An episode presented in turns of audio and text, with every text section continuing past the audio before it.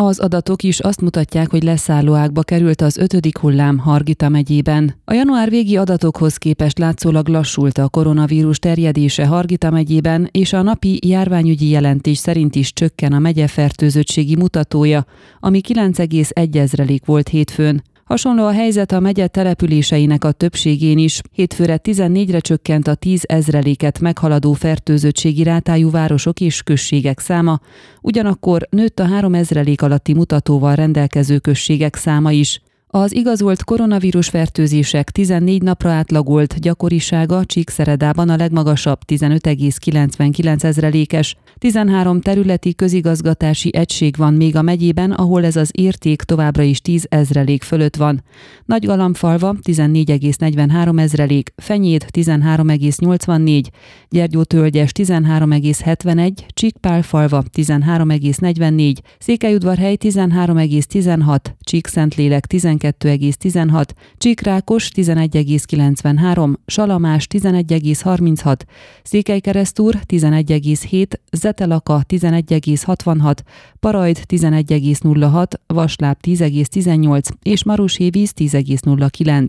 A Hargita megyei egészségügyi szakhatóság hétfői járványügyi adatai szerint már négy település van a megyében, ahol az utóbbi két hétben igazolt fertőzések ezer lakosra vetített átlaga nem éri el a hármat, tehát ezeken a településeken 3000 alatti a fertőzöttségi mutató értéke, Gyergyóremete 2,98, Kápolnásfalu 2,31, Gyimesfelsőlok 2,07 és Kászonal 10 1,77.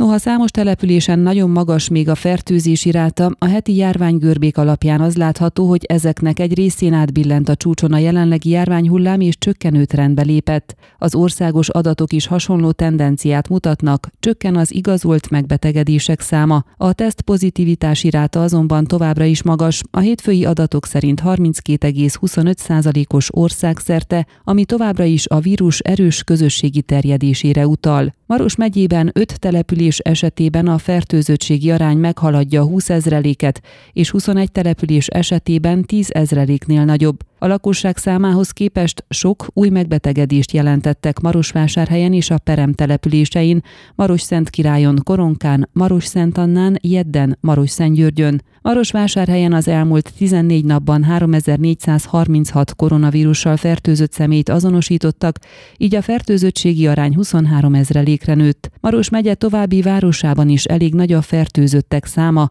Szovátán 153, Maros-Ludason 244, 100 régenben 467, Segesváron 312, Nyárát Szeredában 55 beteg van. Megye szinten a fertőzöttségi arány Maros-Szent királyon a legnagyobb 26,86, míg legkisebb Kibéden és Székelyvéckén, ahol három, illetve egy fertőzöttet azonosítottak az elmúlt két hét alatt. Maros megyében 13,41 ezrelék a fertőzöttségi mutató. Ön a Székelyhon aktuális podcastjét hallgatta. Amennyiben nem akar lemaradni a régió életéről a jövőben sem, akkor iratkozzon fel a csatornára, vagy keresse podcast műsorainkat a székelyhon.pro portálon.